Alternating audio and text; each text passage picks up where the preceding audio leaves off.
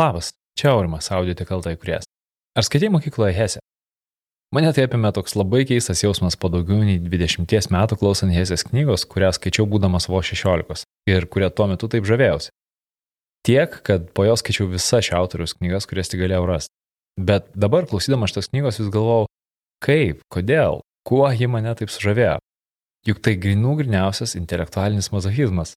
Čia ne apie gyvenimą, Na taip, įdomu pastebėti pagrindinio knygos veikėjo gebėjimą save stebėti šono, reflektuoti, samprotauti, smerkti, intelektualiai skūstis visais ir visko, bet tik tiek.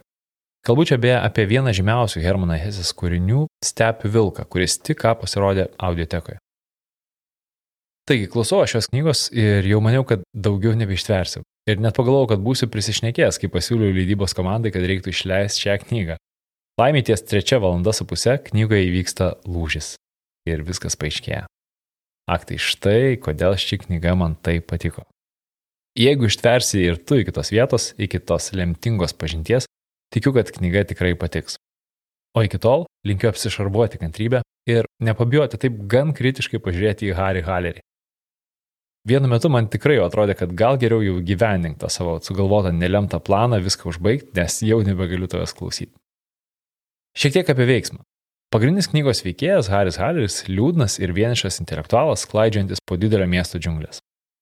Neigdamas visą, iš ko susideda paprasta žmogiška laimė ir nepritapdamas prie visuomenės normų, jis save laiko stepių vilku. Tačiau tai vilkas žmogaus veidu - laukinis, draskomas instinktų ir kartu itin jautrus žmogus, apdovanotas gilių protų ir subtilumu. Haris kovoja siekdamas sutaikyti savyje laukinį vilką ir racionalų žmogų. Ir kai ši kova jau atrodo pralaimėta, jo gyvenimas netikėtai pasikeičia. Čia prasideda Hario Halerio kelionė į gyvenimą. Nelengvi bandymai rasti pusiausvyrą tarp kūno ir dvasios, be kurios joks žmogus negalėtų pasiekti pilnatvės. Knygoje gvildenamos tokios temos kaip asmenybės skilimas, neviltis, nusivylimas gyvenimu, vieningumo, vidinės darnos toka, sąmonės disharmonija, bėgimas nuo realybės, tačiau taip pat ir pusiausvėros tarp kūno ir dvasios ir vientisumo paieškos. Beje, knygoje apstu alkoholio, narkotikų, gan atvirų sekso scenų, net pačiam dabar įdomu, kaip visą tai interpretavo mano paauglio smegenys. Beje, beieškodamas informacijos apie šią knygą aptikau ir vieno iš mūsų autorių, Davido Pancervo atsiliepimą apie ją. Skaičiau šį atsiliepimą ir galvoju, taip, tikrai būtent taip. Cituoju. Stepių vilkas parašytas prieš beveik šimtą metų tai turbūt galima sakyti, kad tai vienas iš tų kūrinių, kurie nepraranda aktualumo. Skaitimas reikalavo pastangų ir susikaupimo ir nepasakyčiau, kad skaityti buvo malonu. Tuo laiku, kai rašė Stepė Vilką, Hesė išgyveno sudėtingą laikotarpį - depresiją, nusivylimą, vienatvę. Žinant šį kontekstą, kūrinio skaitimas tampa neįprastų potyrių. Lyg klaidžiotum po pavojingas, nejaukes, tamses vietovės kito žmogaus smegenyse. Nors tekste pilna simbolių ir aluzijų, bet sakyčiau tai atviras ir nuoširdus pasakojimas. Po skriptum knyga išleista likus 12 metų iki antrojo pasaulinio, bet stepių vilke įdomiai atsispindi būsimo karo nuojautos. Citatos pabaiga. Lietuvių kalbos mokytojas, išgarsėjęs privalomų neprivalomų knygų sąrašų, į jį šią knygą taip pat įtraukė. Vienu sakiniu jis ją apibūdino štai taip. Vienišas ir liūdnas intelektualas bando rasti pusiausvyrą tarp kūno ir dvasios. Pakvieščiau pasiklausyti 30 minučių nemokamos ištraukos, bet nežinau, ar jos pakaks susidomėti šią knygą. Kaip jau minėjau, lemiamas lūžis įvyksta tik ties trečia valanda su pusė. Bet pabandykime. Jau netrukus pirmosios 30 minučių iš šios knygos. Trumpai apie audio knygą. Autorius Herman Hesse, pavadinimas Stepių vilkas, skaito Rimantas Bagdzevičius, trukmė 8 val. ir 39 minutės, nemokamos ištraukos trukmė 30 minučių. Paklausom. Audioteka LT pristato Hermano Hesės audio knygą Stepių vilkas. Iš vokiečių kalbos vertė gražina mažiaikaitė Sajienė. Įgarsino Rimantas Bagdzevičius. Audioteka LT 2022 metai. Visos teisės saugomos. Leidėjo pratarmė. Šioje knygoje spausdinami išlikę užrašai to žmogaus, kurį mes naudodamiesi jo paties nekarta pavartotų posakių, vadiname stepių vilku. Sunku pasakyti, ar jo rankraščiui reikia įvadinio žodžio. Šiaip ar taip aš jaučiu poreikį prie stepių vilko lapų pridėti keletą savų, kuriuose mėginau užrašyti savo prisiminimus apie jį. Nedaug apie jį tai žinau, o jo praeitis ir kilmė man visai nežinoma. Bet jo asmenybė man padarė stiprų ir, turiu pasakyti, malonų įspūdį. Stepi Vilkas buvo arti 50 metų vyriškis, kartą prieš keletą metų jis užėjo į mano tėtos namus, ieškodamas mebliuoto kambario. Išsinuomojęs palėpėje mansardą ir gretimą miegamąjį kambarėlį, jis po kelių dienų vėl pasirodė su dviem lagaminais, didžiulę knygų dėžę ir išgyveno pas mus devynis ar dešimt mėnesių. Gyveno labai tyliai, užsisklendęs.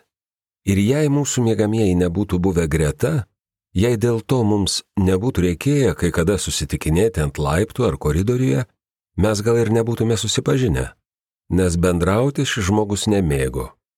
Tokio bendrauti nemėgstančio žmogaus aš kaip gyvas nebuvau matęs.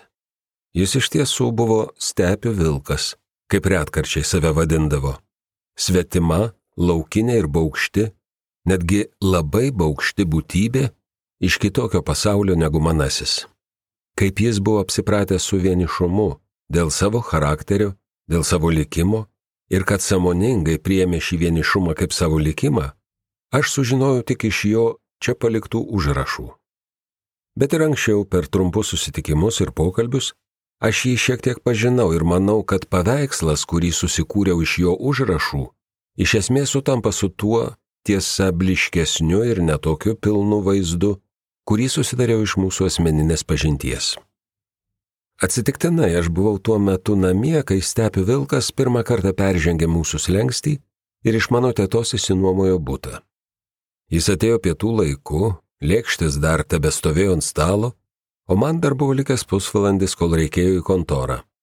Aš nepamiršau keisto ir labai prieštaringo įspūdžio, kurį jis man padarė per pirmąjį susitikimą. Jis įėjo pro stiklinės duris, pirmą prie jų paskambinęs, apitamsiame prieškambaryje tada paklausė, ko jam reikia. O jis, stepių vilkas, pakėlė uostydamas pailgą trumpai nukirptą galvą, truktelėjo nervingą nosimą aplink save oro ir prieš atsakydamas ir pasakydamas savo pavardę tarė, o, čia gerai kvepia. Ir nusišypsojo. Mano geroji teta taip pat nusišypsojo, o man šie pasisveikinimo žodžiai pasirodė gana juokingi ir aš jam pajutau tarsi kokią antipatiją. Taigi, tarė jis, aš atėjau dėl kambario, kurį jūs išnuomojate. Kai mes visi trys laiptais lipome į mansardą, aš galėjau vyriškį geriau apžiūrėti. Jis nebuvo labai aukštas, bet vaikščiojo ir laikė galvą kaip augaloti žmonės. Vilkėjo madingą patogų žieminį paltą ir šiaip buvo padoriai, bet nerūpestingai apsirengęs, švariai nusiskutęs, trumpai apkirpti plaukai vienur kitur buvo žilstelėję. Iš pradžių man nepatiko jo eisena, joje buvo kažkokios įtampos ir neryštingumo, nederančios su aštriu griežtu profiliu, jo kalbos tonu ir temperamentu. Tik vėliau pastebėjau ir sužinojau, kad jis serga ir kad jam sunku vaikščioti. Su keista šypsenėlė, kuri tada man buvo taip pat nemaloni, jis apžiūrinėjo laiptus, sienas, langus ir senas aukštas pintas laiptinėje. Visą tai jam regis patiko ir kartu jį vis dėlto kažkodėl juokino. Apskritai tas žmogus darė tokį įspūdį, tarsi būtų pas mus atėjęs iš svetimo pasaulio, iš kažkokių užjūrio kraštų ir nors viskas čia jam atrodo gražu, bet truputį ir juokinga. Jis elgėsi, ar šiaip ar taip sakyk, mandagiai, net maloniai, jam iš karto patiko namas, kambarys, jis nesiderėdamas sutiko su nuompinigiais, įskaitant ir sumą už pusryčius, ir vis dėlto šį žmogų gaubė, kaip man atrodė, negera ar priešiška atmosfera. Jis išsinuomojo kambarį, kartu išsinuomojo ir miegamą į kambarėlį, pasiteiravo apie šildymą, vandenį, paslaugas ir namų vidaus tvarką, viską išklausė atidžiai ir maloniai, su viskuo sutiko, išsik pasiūlė rankpinigių. Ir vis dėlto atrodė, tarsi visa tai jį nelabai te domintų, tarsi pats savo būtų juokingas dėl tokio savo elgesio ir nelaikytų jo rimtu, tarsi jam būtų keista ir nauja nuomotis kambarį, ir šnekėti vokiškai su žmonėmis, kai sielos gilumoje iš tikrųjų rūpi visiškai kas kita. Maždaug toks buvo mano įspūdis. Jis ir būtų likęs nelabai geras, jei jo nebūtų pagerinę ir pataisę visokiausi smulkus bruožai. Pirmiausia, tai vyriškio veidas, kuris man iš pat pradžių patiko. Jis man patiko nepaisant kažkokios neįprastos išraiškos. Tai buvo gal šiek tiek savotiškas ir liūdnas, bet gyvas, labai maslus, ištreniruotas ir įdvasintas veidas.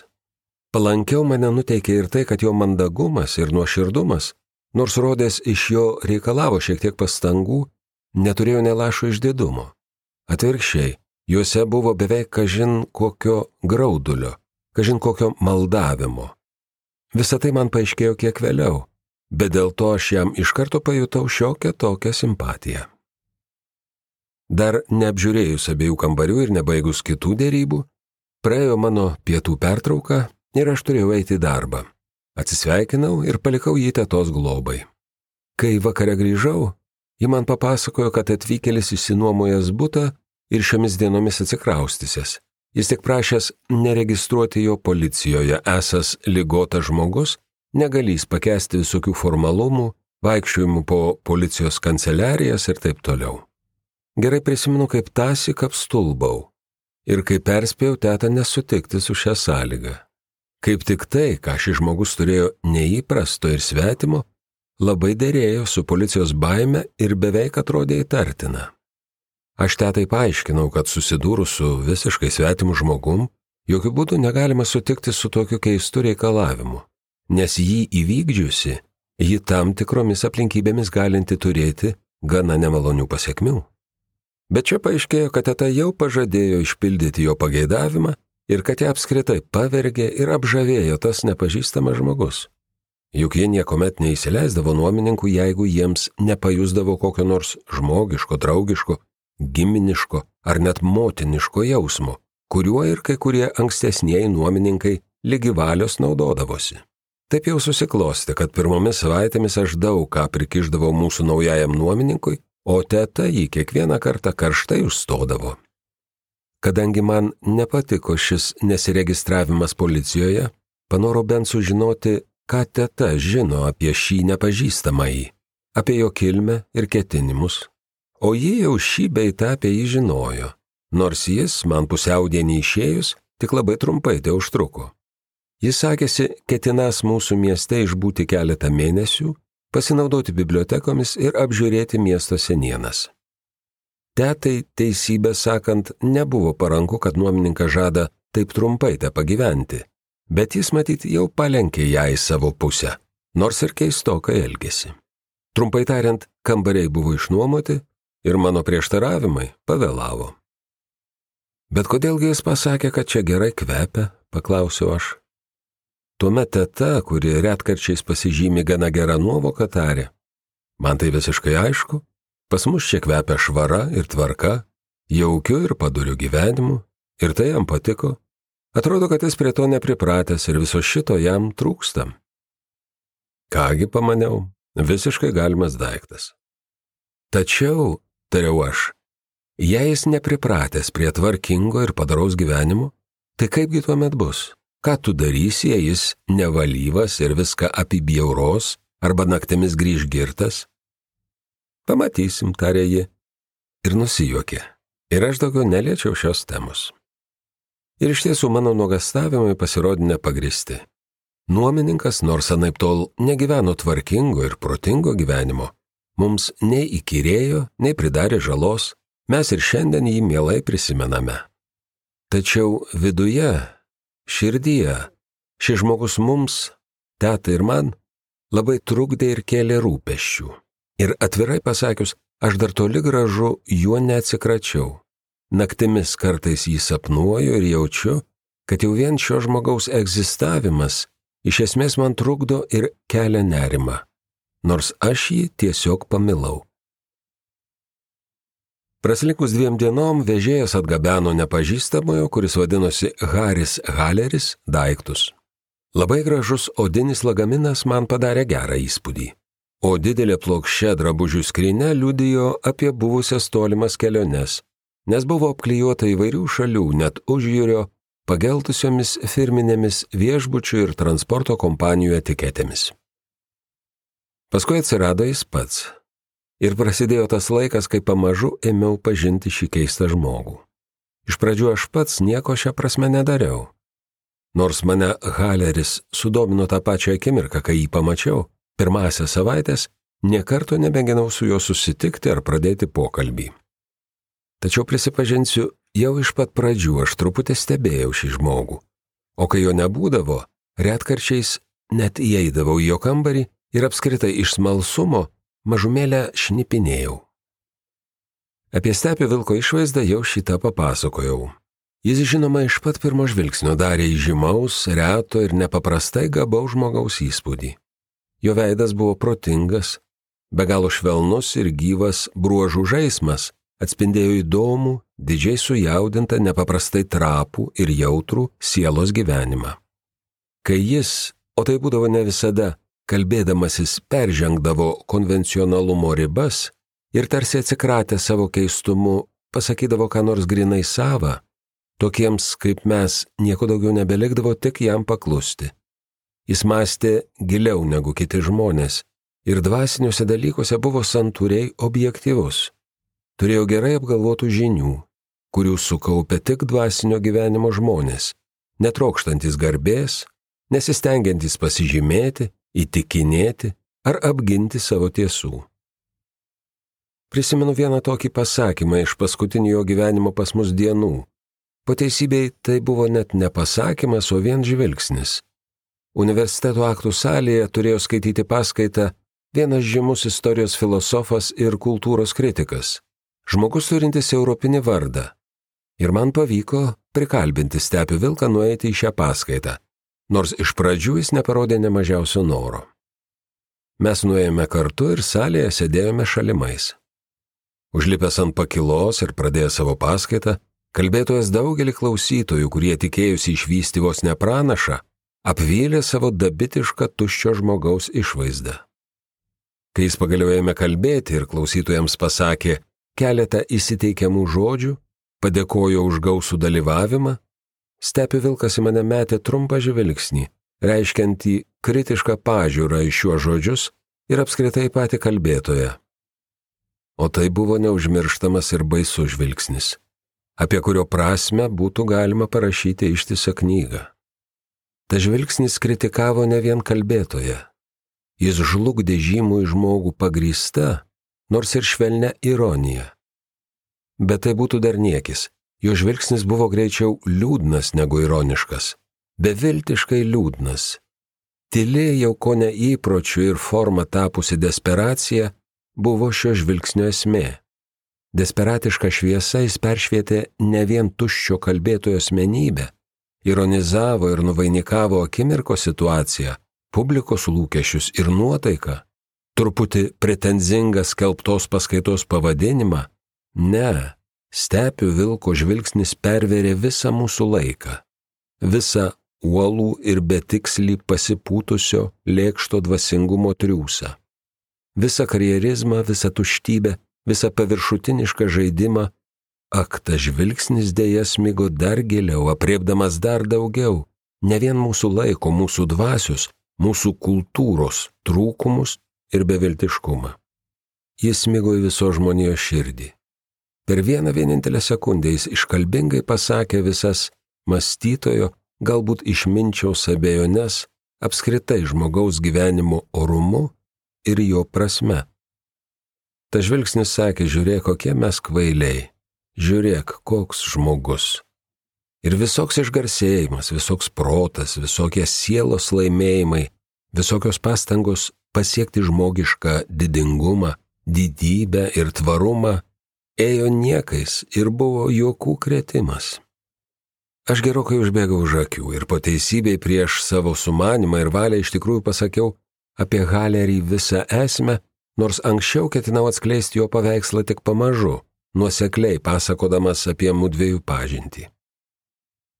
Jei jau taip užbėgau už akių, tad neverta toliau kalbėti apie paslaptingąjį Halerio keistumą ir smulkiai pasakoti, kaip pamažu pajutau ir sužinojau to keistumo, to nepaprasto ir baisaus vienišumo priežastis ir prasme.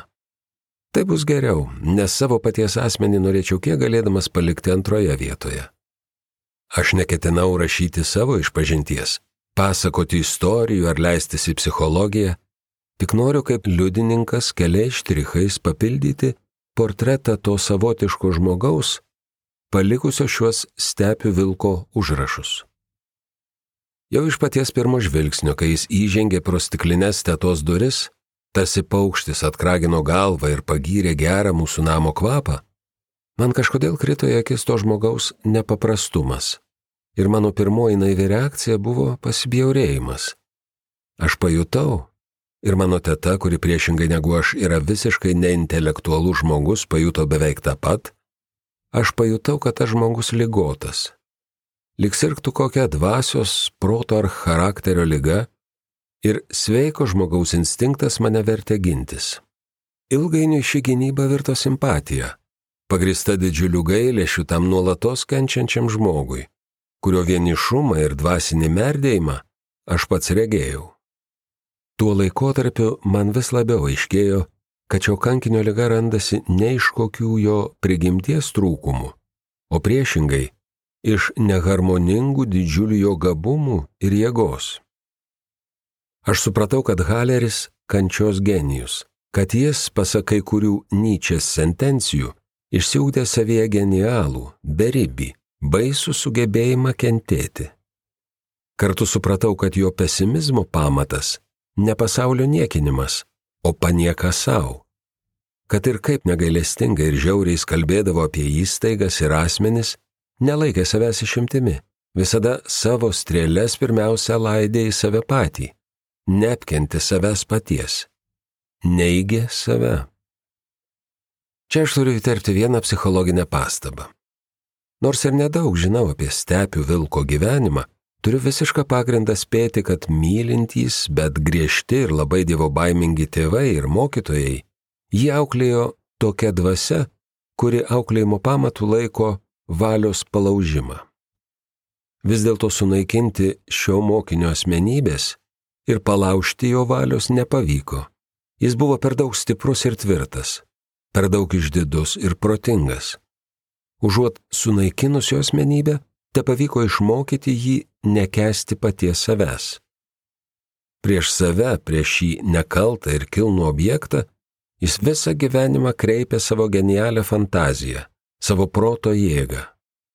Kaip tik tuo, nepaisant visko, jis buvo tikras krikščionis ir tikras kankinys. Nes kiekvieną šiurkštų žodį, kiekvieną kritiką, kiekvieną piktumą, kiekvieną neapykantą, kuriai galėjo ryštis, jis pirmų pirmiausia skirdavo pats savo.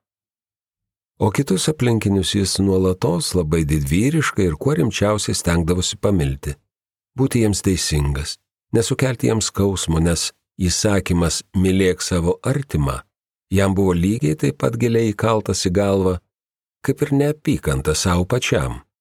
Ir todėl visas jo gyvenimas buvo tarsi pavyzdys, kad nemylėdama savęs negali mylėti nei artimo, kad ir neapykanta savo yra lygiai tas pat ir galų gale sukelia tą patį baisų izoliuotumą ir nusiminimą, kaip ir iškus egoizmas. Bet jau metas palikti savo mintis ir prašnekti apie tikrovę. Taigi pirmas dalykas, kurį aš sužinojau apie poną Halerį, iš dalies savo šnipinėjimo, iš dalies mano tetos pastabų dėka, yra susijęs su jo gyvenimo būdu.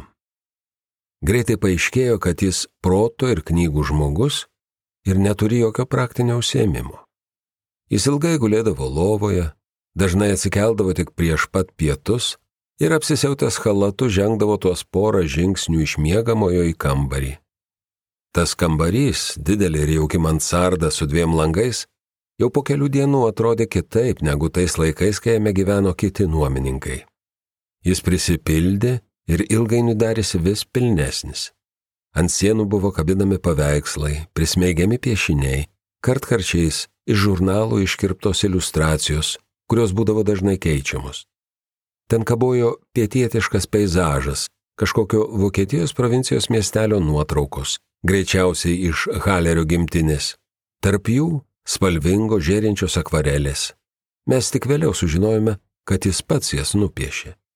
Toliau žavios jaunos moters ar jaunos mergaitės nuotrauka. Kurį laiką ant sienos kabojo Siamo Buda.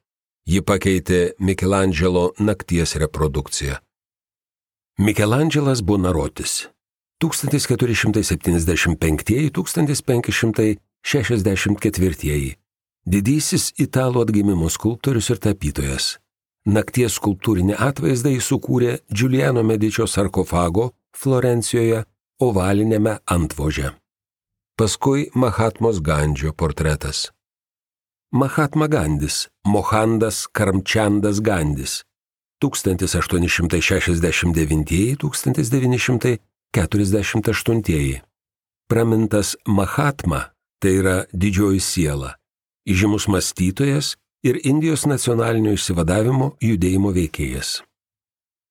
Knygų buvo prikrauta ne tik didžiulė knygų spinta, jos gulėjo visur - ant stalų, ant gražaus seno sekretero, ant sofos, ant kėdžių, ant grindų, knygos su įdėtomis popieriaus juostelėmis, nuolat keičiamomis. Knygų nepaliaujamai daugėjo, nes jis parsineždavo ištisus ryšulius ne tik iš bibliotekų, labai dažnai gaudavo siuntinių ir paštu. Žmogus gyvenantis šiame kambaryje galėjo būti mokslininkas. Šiam įspūdžiui tiko ir cigaro dūmas, kuris viską gaubė, ir aplinkui išmėtytos cigarų nuorukos, peleninės. Tačiau daugelis knygų buvo nemokslinio turinio. Didžiuma visų epochų ir tautų rašytojų kūriniai. Kurį laiką ant sofos, kuris dažnai tysodavo ištisas dienas, gulėjo visi šeši stori 18 amžiaus pabaigos raštų tomai antrašte Sofijos kelionė iš Klaipėdos į Saksoniją. Sofijos kelionė iš Klaipėdos į Saksoniją. Vokiečių rašytojo Johano Timoteuso Hermeso epistoliarinis romanas. Gerokai nučiupinėti atrodė Gėtės ir Žano Polio raštai. Žanas Polis 1763-1825. Vokiečių rašytojo ir pedagogo Žano Polio Friedricho Richterio slapyvardis. Žano Polio estetinės pažiūros turėjo didelį įtaką Hesės koncepcijai apie humorą. Taip pat Novalio, Novalis vieno iš reikšmingiausių ankstyvojo romantizmo Vokietijoje atstovų Friedricho von Hardenbergo slapyvardis - Lesingo, Jakobio ir Lichtenbergo. Lesingas Gottholdas Efraimas 1729-1781. Jakobis Friedrichas Heinrichas 1743-1819. Lichtenbergas Georgas Kristofas 1742-1799 18 amžiaus vokiečių rašytojai. Keletas Dostojevskio tomų buvo perdėm prikaišioti prirašytų lapelių. Ant didelio stalo tarp daugybės knygų ir rankraščių dažnai stovėdavo gėlių puokštė. Ten prisiglausdavo ir etudinė su akvareliniais dažais, visa pilna dulkių. Šalia jos peleninės ir, neslėpsiu, įvairiausi buteliai su gėrimais. Šiaudais apipintas butelis dažniausiai būdavo pilnas raudonojo itališko vyno, kurio jis parsineždavo iš krautuvėlės netoliese. Retkarčiais galėjai pamatyti ir butelį burgundiškojo ar malagos. O storas butelis vyšninės, kaip pastebėjau, per gana trumpą laiką beveik ištuštėjo. Bet paskui pradingo kažkuriame kampe ir dulkėjo ten, likučiui toliau nemažėjant. Neteisinsiu savo šnipinėjimo ir atvirai prisipažinsiu, jog iš pat pradžių visos šios žymės, nors ir kupinos dvasinių interesų, bet vis dėlto liudijančios gana lengvapėdišką ir palaidą gyvenimą, man kėlė pasibjaurėjimą ir nepasitikėjimą. Aš esu ne vien taisyklingai gyvenantis miesčionis, pratęs prie darbo ir tikslaus laiko suskirstimo, esu abstinentas, nerūkau ir tie buteliai Halerio kambaryje man dar labiau nepatiko negu visa vaizdinga netvarka. Nepažįstamasis valgė ir gėrė taip pat nereguliariai ir inoringai, kaip miegojo ir dirbo. Kai kuriomis dienomis jis apskritai neišėdavo iš namų ir nieko neimdavo į burną, išskyrus rytinę kavą. Kartais teta rasdavo numestą banano žievelę, vienintelį jo valgio likutį. Tačiau kitomis dienomis jis valgydavo restoranuose, kai kada geruose ir prašmatniuose, kai kada nedidelėse priemeščių smuklėse. Jo sveikata rodos nebuvo labai gera, be nesveikuojančių kojų, kuriomis jis dažnai gana sunkiai lipdavo laiptais, jį rodos kamavo ir kitokios negalės. Kartą jis tarp kitko užsiminė, jog jau daugelį metų nežinas, kas yra normalus virškinimas ir normalus miegas. Aš pagalvojau, kad pirmiausia dėl to kaltas gėrimas. Vėliau, kai su juo retkarčiais užsukdavau į kurią nors jo užeigų, pastebėjau, kaip jis greitai ir noringai kliukina vyną.